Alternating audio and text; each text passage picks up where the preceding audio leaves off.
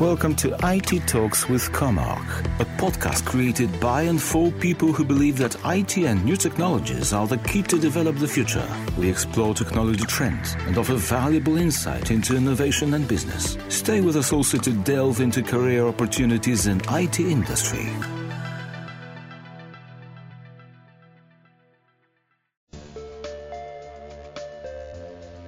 Hallo und herzlich willkommen zur neuesten Ausgabe des Comach Podcasts Customer Experience and Technology. Ich bin Alexandra Stiwinski und ich freue mich sehr darauf, heute mit Ihnen in die Welt des Retails einzutauchen.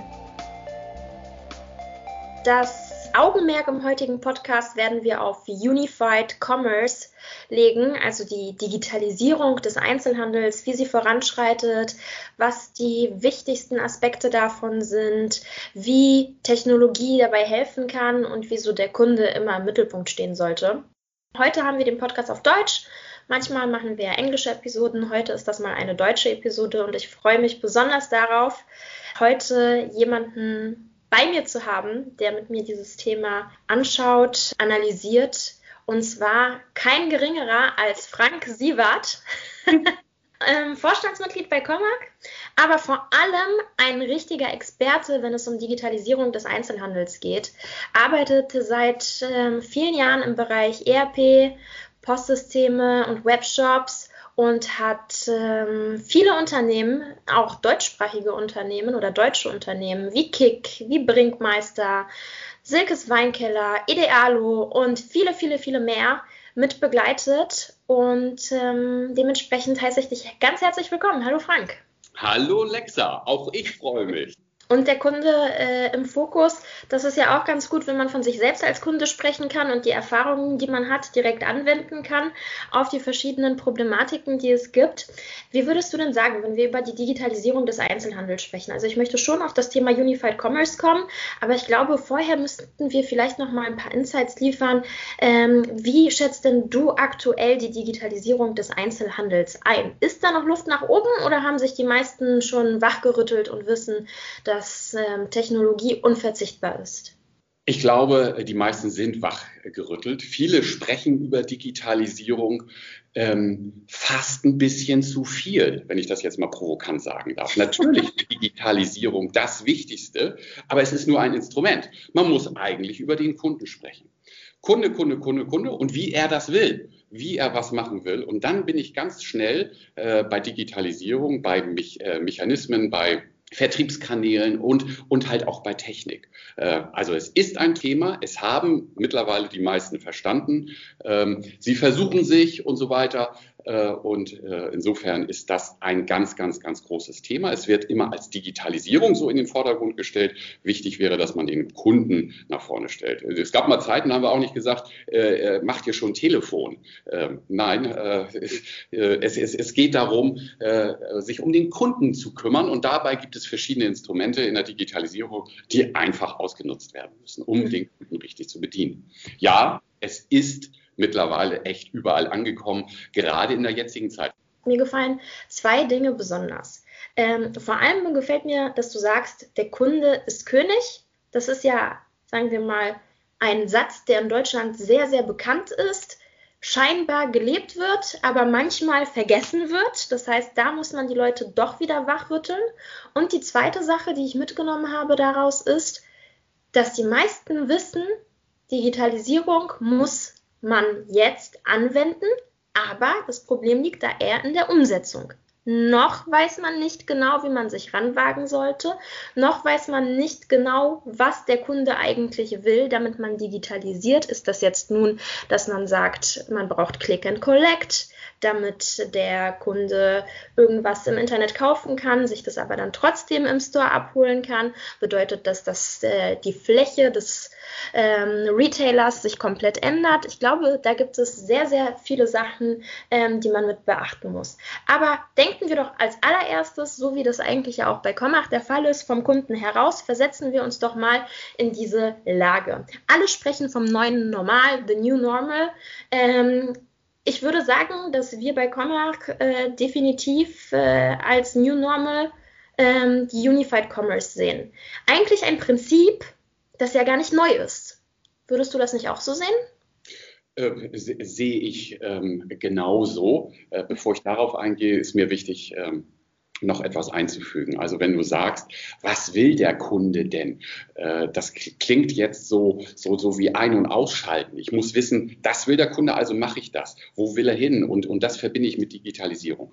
Ähm, aus meiner Sicht ist das ein Prozess. Also ein Kunde, die Situation muss ich entwickeln und äh, da muss ich irgendwo hinkommen, was der Kunde sich denn wünscht. Wenn ich jetzt darauf warte und zu sagen, ich brauche die Lösung, damit ich genau das umsetzen kann, was der Kunde denn will, dann mache ich schon mal das aller, aller Falscheste, nämlich warten. Ja, ähm, das ist ein Prozess. Wie beim Autofahren, kein vorausschauendes Denken, ne? ja, genau. Man muss, man muss, glaube ich, anfangen. Man muss äh, einfach machen. Das ist schon mal wichtig. Also wenn man, wenn man denn wartet und sagt, okay, da, da wird jetzt irgendwie und vielleicht kommt auch einer vom Comarch um die Ecke und der hat die Lösung, äh, dann könnten wir ja in die Zukunft gucken. Das äh, können wir nicht. Ich kann aber auf jeden Fall sagen, man muss was machen. Das ist ein Prozess. Äh, da muss man sich drum kümmern und ähm, äh, auch immer den Kunden in den Vordergrund stellen. Wenn du jetzt diese neue Überschrift hast oder die Überschrift Unified Commerce, dann, dann äh, ist ja toll. Wir haben immer Begriffe, die wir dann irgendwie eine neue Sau durch, äh, durch die Stadt äh, treiben. Äh, das ist toll. Dahinter sieht man aber auch die Entwicklung. Also wir hatten Omnichannel, wir hatten Multichannel, wir haben Unified Commerce. Also für mich wäre das jetzt äh, erstmal wichtig, äh, diese Begriffe voneinander äh, abzugrenzen. Wir sprachen von, von verschiedenen Kanälen. Also man hat nicht nur einen Laden, man hat vielleicht äh, äh, noch einen Online-Shop, es gibt Portale und so weiter. Danach hat man Multichannel, das ist für mich sehr, sehr ähnlich. Äh, das ist die Bedienung dieser selben. Und jetzt haben wir Unified Commerce, das heißt über ein Werkzeug, also so ist so meine Begrifflichkeit, würde mich auch interessieren, wie du das so siehst. Äh, Im Endeffekt geht das ja in die gleiche Richtung. Also man braucht ein Tool, gefühlt ein Tool, um den Kunden auf verdammt vielen Ebenen abzuholen, zu bedienen. Dass man das zentral steuert, damit man das vielleicht als, äh, als Mitarbeiter einer Firma äh, über ein Werkzeug steuern kann, äh, aber nach draußen hin über verschiedene Kanäle. Also im Endeffekt sind das alles Begrifflichkeiten. Äh, ich bleibe dabei, das werde ich den ganzen Tag tun. Äh, man muss sich um den Kunden kümmern. Mich würde interessieren, wie du oder was du unter Unified Commerce, wie du das definieren würdest wie ich das definieren würde. Also als allererstes, ähm, vielleicht mein Steckenpferd ist ja die Kundenbindung. Das heißt, ich gucke immer, wie kann man denn langfristig den Kunden an eine Marke binden. Und ich glaube, Unified Commerce ist ein gutes Instrument. Wieso? Und hier kommen wir dazu, wie ich das verstehe. Ähm, es bietet die Möglichkeit, mit dem Kunden zu sprechen über alle Kanäle hinaus, aber eine gesamte Message zu vermitteln. Ja, und ich glaube, das ist hier das, äh, was am wichtigsten ist. Das heißt, ich als Kunde muss abgeholt werden. Während ich im Laden stehe, passiert es mir natürlich. Ja, das ist heute äh, gang und gäbe. Jeder hat das Smartphone direkt in der Hand ja, äh, und guckt sich an. Ich auch. Ja, eben. ähm, guckt sich an, okay, dieses Produkt, was für Bewertungen hat es im Internet? Werde ich das jetzt definitiv hier kaufen?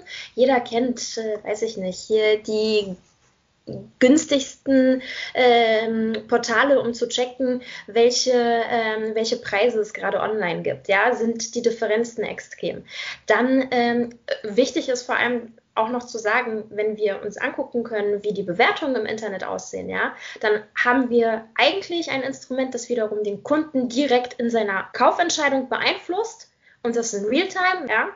Äh, nächste Geschichte, die mit äh, reinkommt. Ich habe darüber gesprochen, dass Kunden Preise vergleichen. Ne? Die vergleichen aber natürlich auch die Preise der Marke. Das heißt, wenn ich äh, in einem Store stehe und sehe, die gleiche Marke bietet mir etwas online günstiger als äh, im Laden, damit ich als Verbraucher, als Konsument natürlich verwirrt. Manchmal möchte man das auch so, manchmal möchte man steuern. Wir wissen, wie die Unternehmen ticken, aber wenn man den Kunden in den Mittelpunkt stellt, dann muss man eigentlich garantieren, dass der Online und Offline alles genauso machen kann und immer das gleiche Erlebnis hat, ja, damit er sich identifizieren kann mit der Marke. Unified Commerce bietet diese Möglichkeit. Wir haben also die Möglichkeit, zentral zu steuern auf Aktionen, zu pochen, die es zum Beispiel nur in-store gibt. Wir haben die Möglichkeit zu sagen, dass äh, online so mit dem Kunden kommuniziert wird. Du stehst jetzt aber gerade direkt neben unserem Store. Vielleicht solltest du mal reingehen, weil äh, wir haben hier ein Special-Angebot für dich. Du bist genau zur richtigen Zeit am richtigen Ort. Ich meine, es ist ein super toller Surprise and Delight-Moment, ja, so wie die Leute das nennen.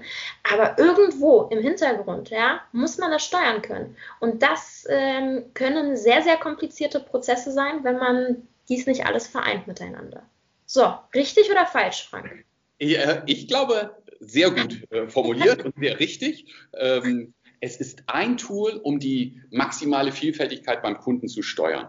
Ja, und du sprichst jetzt von Vertriebskanälen, nennst das Beispiel Preis, äh, wunderbar. Äh, äh genau äh, das äh, sind die Elemente, äh, die, die man darüber steuern muss. Ja, das verstehe ich darunter auch. Also der Kunde muss, in, muss nach wie vor natürlich in den Punkt gestellt werden. Und man muss, das ist schon mal die erste Nachricht, ähm, als Einzelhändler darauf dafür offen sein. Das muss man zulassen. Also wenn da jemand in meinem Laden steht, dann darf ich nicht Angst bekommen, wenn der auf einmal sein äh, Telefon zückt, weil ich ja vermute als Eigentümer des, des Ladens, der macht jetzt einen Preisvergleich. Das ich, äh, das unterbinden kann ich sowieso nicht. Also habe ich eine Verschmelzung von verschiedenen Vertriebskanälen. Das ist ja ein äh, Online-Vertriebskanal, äh, Preisportale und so weiter. Äh, das, das sind Kanäle und das ist schon mal die aller, allererste Nachricht aus meiner Sicht. Das muss ich zulassen und selbstverständlich annehmen, weil ich kann es sowieso nicht unterbinden. Äh, es ist übrigens nicht immer nur der Preis. Also wir müssen da auch nochmal äh, differenzierter sehen. Also ähm, das Schöne an diesem Podcast, ich sage es jetzt nur, weil es mir gerade einfällt, ähm, ja, äh, wenn, wenn, wenn wir jetzt gucken, wo kommen kommst du her, wo komme ich her, äh, dann kann man ja sagen, du kommst aus dem Bereich Loyalty, du bist ja Kundenbindung und bist ja eigentlich da, wo äh, vom Kunden kommt. Und ich als ERP-Mensch, ja. Äh, äh, auch schon altmodisch, ne? aber ich, ich, bin ja nun auch schon älter. Äh, da darf man das sagen. Kennst du, das ist der Unterschied zwischen uns beiden? ich bin älter. Äh, also als ERP-Mensch da denkt man ja in Prozessen. Äh, man hat eine äh, Vorwärtskalkulation, man rechnet aus, was ein Artikel kosten muss, man, man hat die Logistikkette und äh, man hat Produktionsprozesse und möchte die immer verbessern. Natürlich möchte man leistungsstärker sein. Man ist da ein Stück weit prozessbezogen, artikelbezogen. Und das ist die, die Wende, glaube ich, die wir jetzt haben oder hinbekommen müssen. Auch ERP-Systeme müssen vom Kunden rückwärts denken. Insofern ist das eine, eine Verschmelzung dass ein ERP-System die Preise gleich zur Verfügung stellen kann, das ist ja klar. Ähm, das muss äh, gegeben sein. Das muss auch technisch so folgen in dem ERP-System, äh, wie andere Produkte, Portale und so weiter oder meine eigene Homepage das zulässt. Das muss alles in Echtzeit. Insofern habe ich da eine Verschmelzung. Ich brauche ein so ein Produkt. Äh, da bin ich völlig bei dir. Also erste Nachricht für, für mich, das ist wichtig. Der Kunde oder der, der Unternehmer oder das Unternehmen muss erstmal zulassen, dass das so ist. Man kann sich dagegen nicht wehren. Mhm. Äh, das Handy gezuckt. Und ähm, dann sind wir Gott sei Dank auch schnell bei anderen Themen, äh, wo ich dann sagen kann, ähm, äh, dieses Erlebnis, das, da sprechen wir ja andauernd davon, dieses Erkaufserlebnis, das muss gleich sein. Ich glaube auch äh, eine gefühlte Unterteilung von irgendwelchen Kanälen die wir manchmal noch so äh, vornehmen, das sollte gar nicht dabei sein. Man muss sagen, ähm, wie verhält sich der Kunde und wie äh, bediene ich denn seine Bedürfnisse? Und dann bin ich nämlich automatisch bei den Kanälen. Also äh, wenn da einer äh, drin steht, äh, drin ist in meinem Laden, wie bediene ich ihn und wie binde ich ihn dann? Und äh, da glaube ich, gibt es äh, schon ganz, ganz tolle Mittel oder Instrumente, die wir haben, worüber wir sicherlich auch gleich noch sprechen sollten. Ähm, eine, eine Idee ist es, glaube ich, dass du sagst, oder wir haben ja eben beide ganz stolz unser, unser Telefon gezeigt, obwohl es ein Podcast ist, ist ja sehr lustig, ähm, äh, dass man das äh, so macht. Im Vorwege zu dieser äh, Aufnahme habe ich natürlich so ein bisschen äh, geguckt, äh, was sich denn so verändert. Also das erste ist, oder da kann ich dich dann ja auch mal fragen, wenn du ähm, über ein Device kaufst, also nicht in einem Laden, äh, ja. welches Device nutzt du denn da? Immer, ähm, weiß ich nicht, ob immer. Tatsächlich eher den äh, Laptop und den Webbrowser als die Mobile App ich persönlich, ähm, es sei jetzt zur Zeit, jetzt zur Zeit, in der ich äh, im Laufe von Corona natürlich auch eher an äh, zu Hause gebunden bin. Das war signifikant anders äh, in Prä-Lockdown-Zeiten, wo Dienstreisen ja ähm, mein täglich Brot gewesen sind ja, wo ich nicht die ganze Zeit die Möglichkeit hatte, den Laptop rauszukramen und irgendwie schnell mal online zu kaufen. Ähm, da war das Handy die erste Wahl und da ging das auch schnell. Da war für mich wichtig, Convenience zu haben. Ja, so blöd es klingt, aber einfache Prozesse für den Kunden das ist das Wichtigste. Ich will schnell ans Ziel kommen. Ich will nicht, dass mich Sachen nerven. Ja, ähm, vor allem nicht, wenn ich ohnehin wenig Zeit habe. Deswegen, also da merke ich einen Unterschied in meinem persönlichen Kaufverhalten auch. Ja, und ich finde, das sieht man auch ganz gut an den ganzen Statistiken, wenn man sich die mal anguckt. Wir sind ja mittlerweile im November angelangt. Das heißt, wir können uns ganz gut angucken, wie Q2, Q3 ähm, gelaufen ist. Äh, anhand von verschiedenen Statistiken, die es gibt, wenn man sich mal anguckt, wie die Umsatzveränderungen im deutschen Einzelhandel sind, ja, dann kann man definitiv sehen, dass signifikant, und da sind wir wieder meines Erachtens, ja, da schließt sich der Kreis bei Unified Commerce, ähm, denn, denn das kann auch ein, ein Vorteil sein. In dem Moment, in dem die Umsätze physisch im physischen Store nach unten gegangen sind, sind sie aber sowas von ja, nach oben gerast ähm, im E-Commerce. Also ich würde sagen, wenn man als Drogerie schon äh, ganz gut äh, Webshop-technisch aufgestellt gewesen bin, ist, ist so, dann hat man, glaube ich, äh, in den Monaten März, April, Mai, ja, Juni wahrscheinlich noch, ähm, die, ja, die Zeit seines Lebens gehabt. Also man hört sich ja mal so um, ja, bei den Leuten, die man so kennt. Und da gibt es ja die ein oder anderen Unternehmen. Wenn man sich im Bereich FMCG umschaut, die produzierenden Unternehmen, äh, da kann ich als erster Quelle sagen, da waren die Sales-Mitarbeiter alle zufrieden, weil die hatten schon im zweiten Quartal all ihre Ergebnisse erzielt. Ja, also ich meine, mit sowas kann ich leben. Ähm, aber zurück zu deiner Frage. Ähm, entsprechend Prä-Corona, Mobile. During Lockdown webbasiert. Nach Lockdown wahrscheinlich wieder verstärkt Mobile. Wobei ich trotzdem sagen möchte, Mobile ist nicht raus. Ja, also ich habe das Handy trotzdem in der Hand und wenn ich halt vom Fernseher sitze, renne ich auch nicht immer nach oben und hole mir den Laptop, sondern nehme auch wieder die, ähm, das Telefon in die Hand. Ja. Interessant. Ähm, ich ich habe fast was anderes bei dir erwartet. Ähm, aber, aber, vielleicht ist das ja äh, das ist ja vielleicht sogar ein Schritt weiter. Also wenn du sagst, ich habe mehrere Geräte, äh, ja. mein, mein, Notebook oder, und, und mein Handy und besuche, äh, benutze das parallel. Ich bin, also äh, ist noch gar nicht so lange her, da habe ich dann äh, online geguckt, äh, vielleicht auch abends noch im Büro und bin dann in, in den Laden gefahren äh, um es rauszuholen. Das ist natürlich eigentlich auch, äh, es ist einfach ein Weg.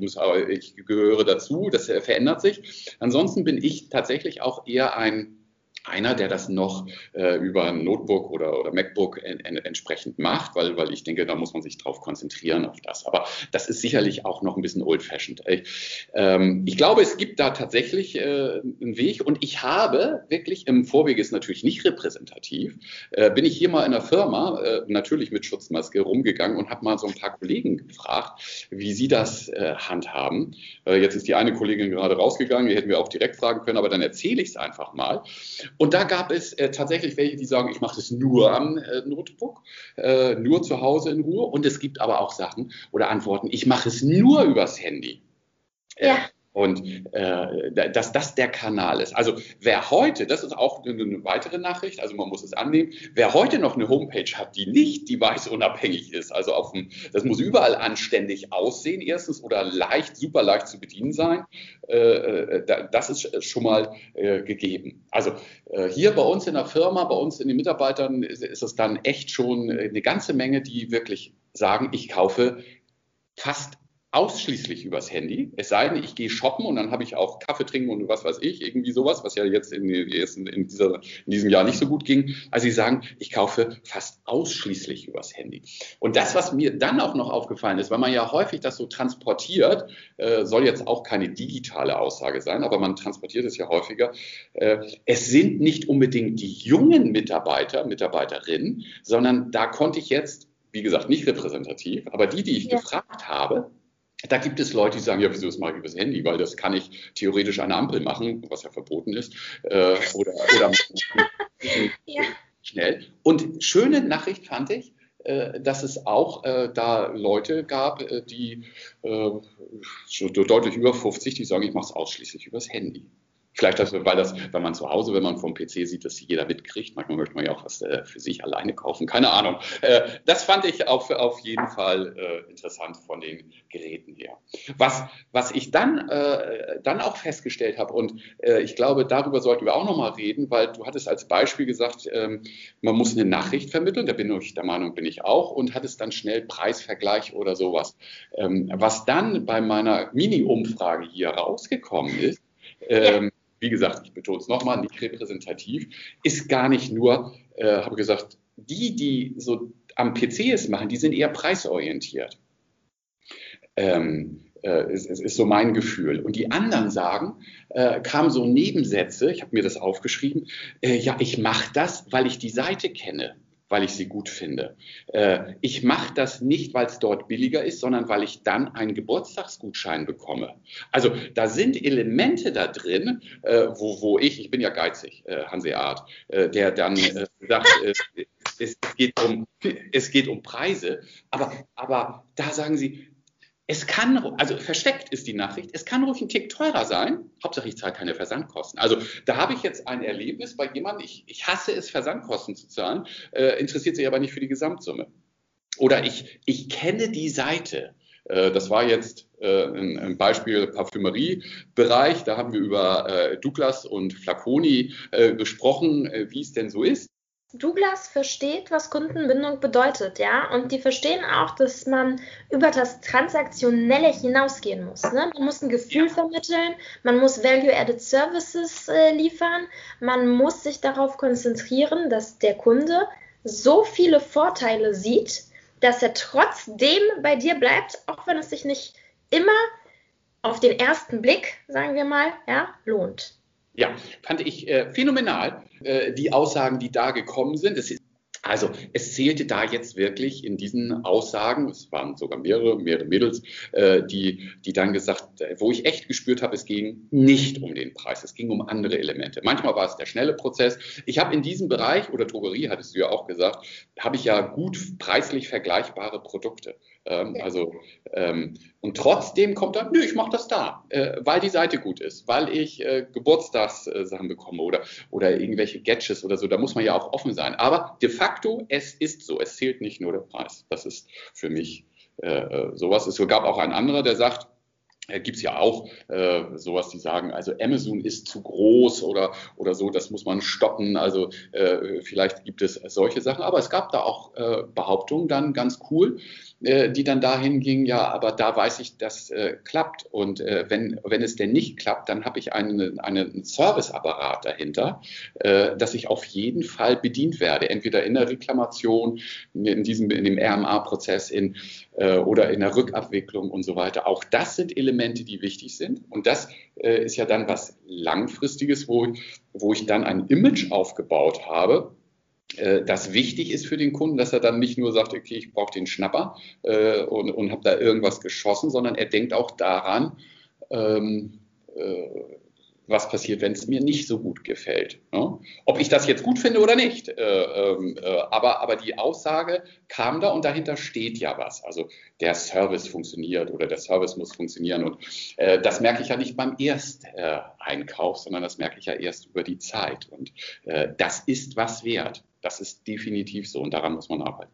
Das stimmt. Ich kann ja ähm, vielleicht noch aus meinen persönlichen Erlebnissen oder jetzt spreche ich mal über mein Kaufverhalten. So, ich gehe jetzt mal davon aus, dass ich dich da, wo, Wie bitte? Endlich habe ich dich da, wo ich dich haben will. Sag, ja. Einkaufst. Genau. Ähm, auch wenn ich online shoppe, jetzt mal unabhängig äh, davon, ob das jetzt äh, mobil ist oder ob das webbasiert äh, per Webbrowser ist, äh, per Notebook ist, ähm, ich schätze es trotzdem sehr, sehr wert, dass ich die Sachen, die ich zurücksende, ja, manchmal bestellt man ein bisschen mehr, manchmal passt irgendwas nicht, ne? das ist ja gang und gäbe. was ich abgrundtief hasse, ist bei der DHL anzurufen und zu sagen, bitte kommen Sie mein Paket abholen. Wirklich, es ist mir einfach zu umständlich. Ja. Das heißt, ich wiederum bin bei den Stores, die mir die Möglichkeit geben, online zu kaufen, aber in Anführungsstrichen offline zurückzugeben. Ja, ich bin nämlich die Erste, die die Sachen in die Hand nimmt, sich ins Auto setzt, in den Store geht ähm, und die Sachen da abgibt. Ja, freue mich noch, dass die Leute einen super lieb und freundlich betreuen. Bin dann wiederum, ich meine, eigentlich dumm aus meiner Perspektive heraus, weil damit locken die mich wieder in den Laden. Ne? Oft passiert mir das, dass ich dann wieder äh, im Laden bin, eigentlich was zurückgebe. Das heißt, ähm, das, was ich schon gekauft habe, damit wird doch kein Umsatz generiert. Aber dadurch, dass ich im Store stehe, sehe ich dann doch wieder mal die eine Sache, die andere Sache und lande dann äh, deutlich schneller an der Kasse, als mir wieder lieb ist. Ja. Ähm, aber auch das als ein gutes Beispiel, ja, das macht Unified Commerce auch aus. Gut, Frank, du hast viele Beispiele genannt. Ich würde, jetzt, jetzt, sorry, ja. jetzt brauche, muss ich noch ein Beispiel erzählen. Also äh, äh, äh, gut, dass du das äh, so beschreibst. Also ähm, man denkt ja immer äh, bei der Verknüpfung der, der Kanäle, dass man sagt, okay, ähm, äh, ich bin im Laden und lass es mir dann schicken und versteht das dann darunter. Du beschreibst ja jetzt den Prozess genau andersrum. Genau. Du sagst, äh, ich habe online äh, was äh, erledigt, was gekauft und möchte dann über eine Filiale das wir, es ist ja bekannt, wir machen äh, viel bei Kick, da machen wir den Online-Teil, da haben wir sowas gemacht. Also da muss man dann auch Anreize schaffen, also die, da kann man auch gut online kaufen. Und wenn es denn so ist, dann ist ja die Frage, wie schaffe ich es dann, äh, dass der Kunde äh, dann nach, wenn es ihm nicht gefällt, in, in ein Geschäft kommt. Und äh, da haben wir den Retourenprozess dann so äh, gestaltet, dass es Anreize, kann man Anreize dann äh, formulieren, äh, dass der Kunde dann in den Laden gelockt wird äh, um es da dann zu tauschen, weil es schneller geht oder weil es vielleicht auch finanziell sich lohnt und so weiter. Also genau solche Prozesse. Das heißt, dieser Rücktransport oder diese Rückabwicklung dessen äh, äh, haben wir dann gleich so gemacht. Das heißt, wir wissen, wo der Kunde dann natürlich wohnt, wo wir es hingeschickt haben mhm. und haben dann gleich eine Liste äh, mit seinen Filialen, in diesem Fall Kick-Filialen, die in der Nähe sind, äh, mitgegeben und das aufgezeigt. Also das sind genau diese äh, Prozesse. Jetzt kommt gerade die Kollegin wieder rein. Ich habe eben äh, äh, Samone gesagt, dass du viel übers Handy äh, kaufst. Äh, jetzt habe ich das schon alles erzählt. Wir halten natürlich Corona-Abstand, aber vielleicht kannst du das kurz bestätigen. Du kaufst so. Hi. Hi Simone, schön, dass du da bist. Vielleicht noch für unsere Zuhörer. Wir ähm, reden gerade mit einer unserer sehr, sehr lieben Kolleginnen aus dem Hamburger Office. Hi Simone, wie ist denn dein Kaufverhalten? Hi. Ähm, und zwar hatte ich das auch vorher schon äh, mit Frank, also das Thema kurz aufgegriffen. Ich muss äh, ehrlich gestehen, dass ich sehr viel, also hauptsächlich viel über Smartphone äh, bestelle, kaufe.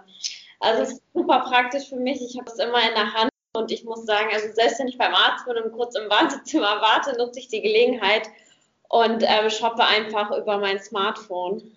Genau. Okay, das heißt, hier haben wir einen exzessiven Mobile-Nutzer. Ich bin der, der, der Mischtyp und Frank, du bist der äh, online per Notebook. Also wir haben wirklich hier alles gebildet.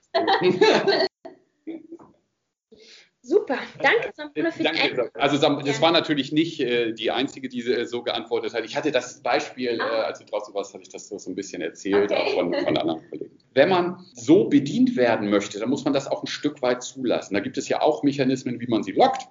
Es ist ja erstaunlich, was so ein kleiner Rabattcode für die, äh, äh die die denn so bewirkt, dann, dann melde dich bitte mit deinem Facebook-Account an, dann sagt er, nö, mache ich nicht und sagt, du kriegst zwei Prozent, dann mach das. Ähm, oder andere Elemente, wenn du das machst, du kannst dann äh, Member werden oder, oder bist Goldkunde ab dem und dem. Also da gibt es ja dann auch Instrumente und schon machen die Leute das. Ähm, äh, und ist ja richtig, weil sie auch was dafür haben. Man muss sich bewusst sein, äh, äh man muss ein Bewusstsein dafür entwickeln, ähm, dass die Daten dann natürlich auch bekannt gegeben werden oder Datenschutz und dann sind wir auch auch dabei, was passiert eigentlich, wenn ich das wieder gelöscht haben will und so weiter. Alles Themen, mit denen wir uns natürlich beschäftigen. Äh, und auch da, äh, ich hoffe, ich äh, habe nicht zu viele andere Beispiele, auch da rege ich mich dann drüber auf, wenn man zum Beispiel sagt, ich, ich mache die Corona-Warn-App nicht an, weil die spionieren mich aus und im selben Moment habe ich über Facebook so und WhatsApp alles bekannt gegeben, da kriege ich die, die, den voll na, jetzt darf ich Begrifflichkeiten nicht benutzen, die ich gerne möchte. Ja. Ähm, sage ich an dieser Stelle noch ganz kurz, äh, für alle, die das denken, bitte einmal im Internet so einen super tollen Chart suchen, der ähm, den perfekten Vergleich zeigt, ähm, an was für Daten WhatsApp alles kommt und an was für Daten die Corona-App alles kommt. Und dann merkt man vielleicht doch, dass die Corona-App überhaupt nicht so spionageaffin ist. Ja, genau. Da muss ich machen. Also kann man, kann man so Vergleiche WhatsApp und sowas. Okay, gucke ich mir auch an. Äh, das nur nebenbei. Ansonsten äh, muss man sagen, da äh, äh, entwickeln wir dran. Das sind Begrifflichkeiten, so hattest du es auch formuliert, die, die da genutzt wird. Im Endeffekt sind das alles äh, Algorithmen oder Mechanismen, wie man denn den Kunden richtig bedient. Also äh, man macht das äh, nicht nur, um, um ihn auszuspionieren, man, sondern auch Informationen, sodass man ihn richtig bedienen kann. Und da ist ja jeder dann auch, soweit äh, finde ich es ja dann auch gut, äh, in der Lage, dass er das, wenn er das möchte oder nee, nicht möchte, kann er dann frei entscheiden. Aber es funktioniert erstmal nicht, ähm, wenn ich denn keine Daten bereitstelle, dass ich dann individuell bedient werde, sondern äh, das ist so, schon so ein Geben und Nehmen. Und äh, dann kann man auch beim Arzt schnell bedient werden oder an der Ampel, was ja nicht erlaubt ist. Es ist ein Geben und Nehmen. Ich glaube, das ist, äh, das sollte das Wort äh, zum Sonntag sein, wenn es um das Thema Customer Experience geht. Ja. ja. Ähm, natürlich muss man den Kunden in den Fokus setzen, aber damit man das kann, äh, muss man äh, ihn kennen, muss man wissen, wie sein Kaufverhalten ist, aber man muss dem Kunden auch genügend Anreize schaffen, damit derjenige das mit der Marke, dem Unternehmen teilt und man dann Mechanismen anwenden kann. Mechanismen, wofür Loyalität und Kundenbindung natürlich äh, ein super Tool sind. Übrigens möchte ich eine Sache noch sagen, Frank. Man muss nicht immer sehen, dass man Member ist. Man muss nicht immer sehen, dass man in einem gewissen Segment ist. Man muss nicht immer mit Punkten spielen. Ja, es gibt so viele Möglichkeiten, wie man mit dem Kunden sprechen kann und wie man eine perfekte User Journey machen kann, ohne dass es die altbewährten Bonuspunkte sind. Ja, also da sind wir schon wirklich, wirklich ähm, darüber hinaus, wenn man sich moderne Loyalty-Programme anguckt, ähm, hat man mehrere Möglichkeiten. Ja, ähm, egal ob das nun bedeutet, und dann kommen wir wahrscheinlich wieder auf das Thema Unified Commerce zurück. Ja, vielleicht ist es auch eine Möglichkeit, einfach zu sagen, Mobile Payment ist nur für die Programmteilnehmer verfügbar. Ja, Click and Collect ist nur für die Programmteilnehmer verfügbar. Ich meine, genau so spielen die Marken ähm, damit. Das sind diese Value-Added Services. Würdest du die auch als so wichtig bezeichnen? Das halte ich auf jeden Fall für super wichtig. Okay. Wie, als letzte Frage, wie siehst du die Zukunft äh, 2021? Was werden wir in zehn Jahren sagen? Ich weiß, du meintest, du kannst nicht in die Zukunft blicken, aber Trends auf Trends kannst du ja aufmerksam machen, oder? Also in erster Linie hoffe ich mal, dass ich wieder ganz normal verreisen kann. Ähm, äh, das, ist mir wichtig, obwohl ich äh, auch jetzt die Zeit schätze, weil ich, ich bin einfach zu viel gereist. Aber das äh, war ja nicht deine Frage. Also äh, der, der Trend ist wirklich Kunden in, in den Mittelpunkt stellen. Äh, das war es an sich schon immer, aber dieses Mal äh, kanalübergreifend, ob Homepage, ob App, ob Portal, ob im Laden und so weiter. Und ähm, Kunde und eine gewisse Offenheit. Also wir sprechen immer davon, dass unsere Systeme offen sind, aber in Wirklichkeit müssen auch die, und das ist das Hauptproblem, müssen auch die Unternehmen, die Unternehmer offen sein dafür. Also die Systeme, wenn die denn die Offenheit mitbringen, nützen sie nichts, wenn sie denn nicht genutzt werden. Also eine der, der Mensch ist offen, der macht einen Preisvergleich in einem Store über andere Läden und äh, da muss man eine gewisse Offenheit mitbringen und zulassen. Und insofern glaube ich, Offenheit, Kunde, das ist wichtig. Und nicht, weil 100 Leute genau das Produkt eingesetzt, also äh, irgendwas Klassisches eingesetzt haben. Ich komme ja aus dem ERP-Bereich, da muss ein Seitenhieb sein, äh, ist, ist das immer gut. Sondern da gibt es auch moderne Tools, die das besser können. Also Kunde in den Mittelpunkt, meine Aussage. Kunde in den Mittelpunkt, das machen wir, das äh, machen wir sehr, sehr gerne. Ähm, Prozesse darf man dabei nicht vergessen. Ich glaube, das äh, sollte uns auch nochmal im Hintergrund ähm, mit im Kopf schwören, ja, um zu sagen, dass das doch wichtig äh, ist, die Sachen auch von vorne bis hinten zu durchdenken. Ähm, damit man ein ganzheitliches Erlebnis gestalten kann über alle Kanäle hinaus. Lieber Frank, ich bedanke mich ganz, ganz herzlich für deine Zeit heute. Ich glaube, wir haben ähm, wirklich viel, viel Glück gehabt, dass du äh, uns äh, heute hier äh, mit deiner Zeit beglückt hast, denn wir haben super tolle Insights bekommen. Falls ähm, unsere Zuhörer irgendwas zum Thema ERP-Systeme, irgendwas zum Thema POS, irgendwas zum Thema E-Commerce hören wollen, dann können Sie sich sehr, sehr gerne an Frank oder an mich wenden. Ähm, wir bei Kommach lieben die Kommunikation, deswegen brabbeln wir auch. Und ich glaube, Frank, du und ich, wir gehören vor allem zu den Kandidaten, was? Ja, vermutlich. Gut. Ähm, entsprechend, äh, lieben Dank für deine Zeit heute und ähm, wir hören uns äh, beim nächsten Podcast wieder. Was das sein wird, in ungefähr einem Monat äh, gibt es dazu mehr Infos. Bis dahin, vielen Dank. Tschüss. Ciao.